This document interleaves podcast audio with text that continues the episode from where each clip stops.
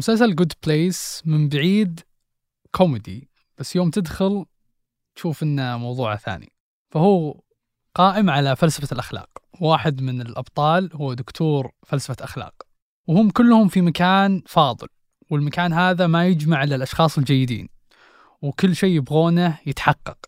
ولكن المشكلة أنه بتصير بينهم صراعات. الصراعات هذه يعني تنافي المبدأ اللي هم قاعدين فيه. وتجي على شكل مشكلات أخلاقية.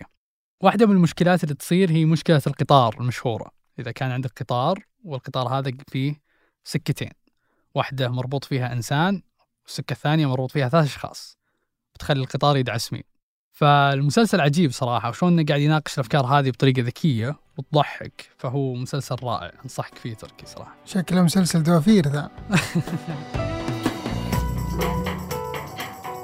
هذا بودكاست الفجر من ثمانية. بودكاست فجر كل يوم نسرد لكم سياق الأخبار اللي تهمكم. معكم أنا تركي القحطاني. وأنا فارس الفزان خبر اليوم عن استعادة حركة حماس الفلسطينية لعلاقاتها مع النظام السوري.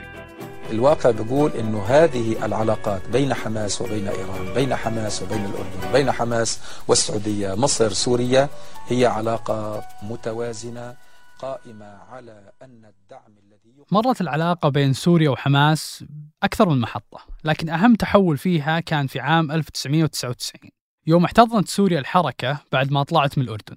وقتها تعمقت العلاقات بين حماس وسوريا لدرجة أن الحركة افتتحت في سوريا مكاتب لها ونقل بعض قاداتها سكنهم لدمشق. لكن العلاقة بين حماس وبشار الأسد تدهورت بعد بداية الثورة السورية عام 2011 واتهام نظام الحماس بالمشاركة فيها. فطالبت حماس نظام بشار الأسد أنه يوقف المجازر ضد الشعب السوري إلا أن بعد تصاعد المظاهرات وأعمال العنف في 2012 وصلت العلاقة بين الطرفين لطريق مسدود. فقررت قيادات الحركة أنها تطلع من سوريا وتغلق مكاتبها اللي فتحوها هناك. لكن مع تنامي العلاقات بين حماس وإيران واللي هي أحد الداعمين الرئيسيين لبشار الأسد بدأت المساعي لعودة العلاقات بين حماس والنظام السوري من 2017 وقتها صار في تغيرات في حركة حماس. وأهمها هو صعود الجناح العسكري على حساب المكتب السياسي.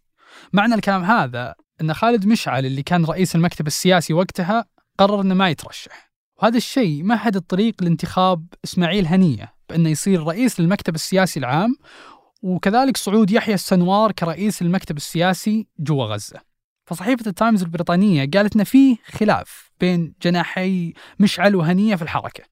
فهنية بحسب التايمز يشوف أن مستقبل حماس مرتبط بإيران. لذلك بعد رئاسة هنية للذراع السياسي لحماس سعى أنه يوسع العلاقة مع إيران. وبعض قيادات حركة حماس زاروا طهران كم مرة. في عام 2017 طلعت إشاعات عن اقتراب عودة علاقات حماس مع نظام الأسد بوساطة إيرانية. لكن النظام نفى ذلك. وفي 2020 بعد اغتيال قاسم سليماني شاركت حركة حماس في طهران برئاسة إسماعيل هنية في تشييع سليماني.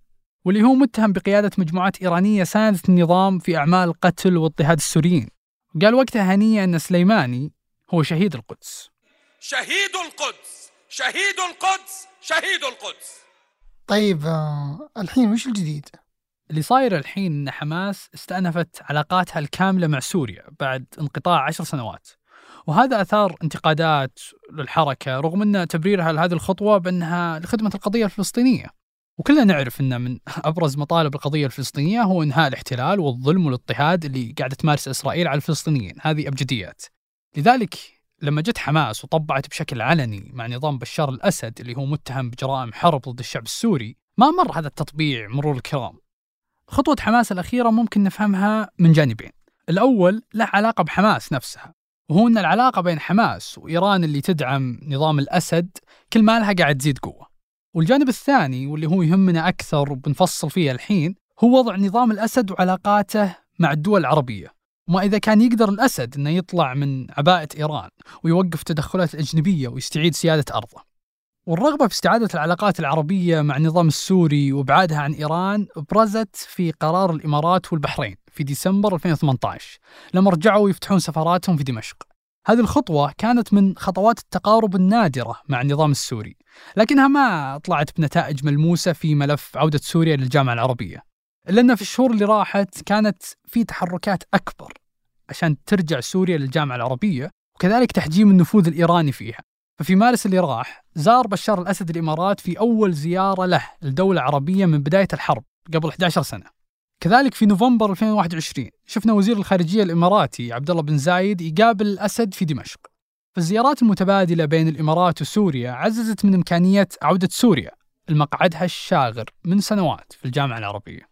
ورغم وجود محور عربي يدعم تفعيل عضوية سوريا في الجامعة العربية إلا أن في دول في مقدمتها السعودية تشوف أن نظام الأسد ما تغير سلوكه تجاه الشعب السوري عشان كذا المفروض ما نكافئ على جرائمه. هذا الموقف السعودي الصارم انعكس في تصريحات المبعوث السعودي السابق للأمم المتحدة عبد الله المعلمي. لا تصدقوهم إن قالوا إن الحرب قد انتهت في سوريا.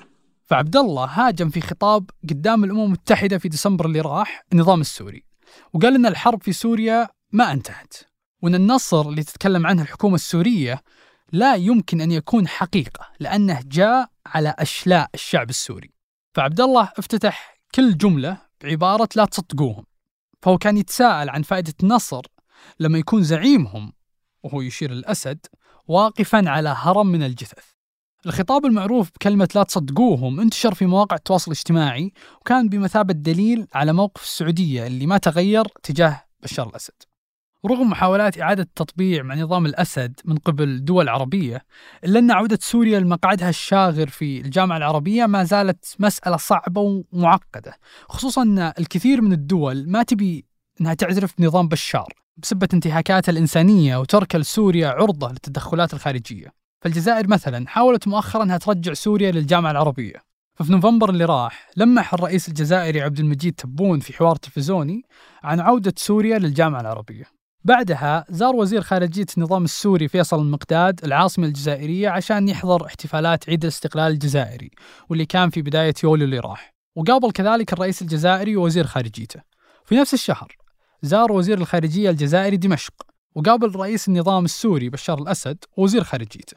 وكان الهدف الأساسي من الزيارة هو مناقشة مشاركة سوريا في القمة العربية. إلا أن دبلوماسية الجزائر ما قدرت توقف قدام جهود الدول المعارضة لعودة سوريا. فبداية سبتمبر هذا أعلنت الجزائر أن سوريا مي بحاضرة القمة العربية. في نفس البيان الجزائري ذكر أن وزير الخارجية السوري فيصل المقداد قال الوزير الخارجية الجزائري بمكالمة هاتفية أن دمشق تفضل أن ما يطرح موضوع استئناف عضويتها في جامعة الدول العربية لأن في قضايا أهم وحرصا من دمشق على توحيد كلمة الدول العربية.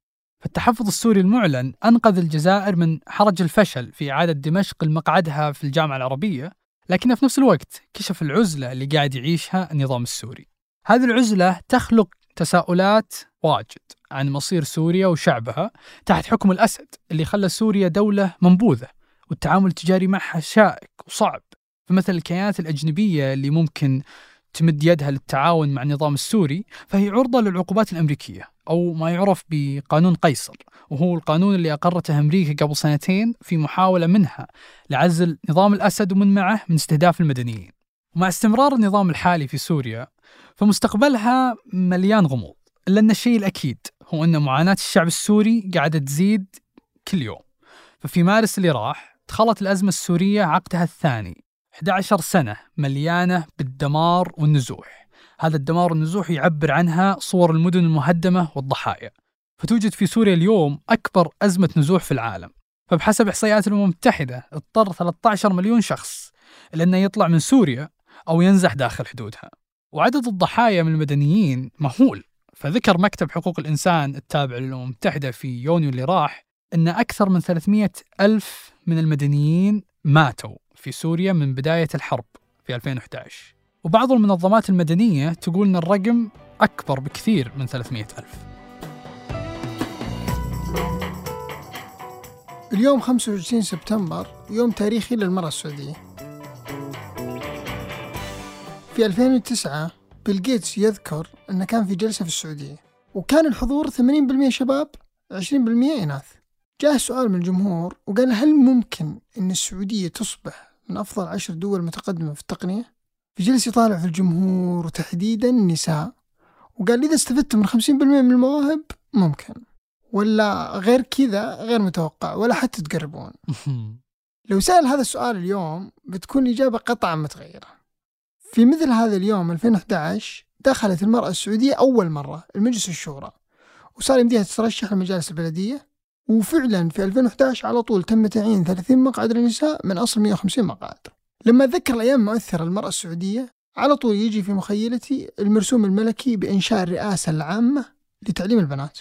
وهذا كان في 1959 في 1960 افتتحوا أول مدرسة ابتدائية للبنات. أشوف هذا التاريخ مهم جدا وفتح للمرأة بحيث تتمكن من أبجديات الحياة اللي هي التعليم. في يوم آخر مفصلي في تاريخ المرأة السعودية اللي هو 25 أبريل 2016 يوم أطلقت الرؤية اللي هي رؤية 2030 وتوالت بعدها سلسلة تمكين المرأة.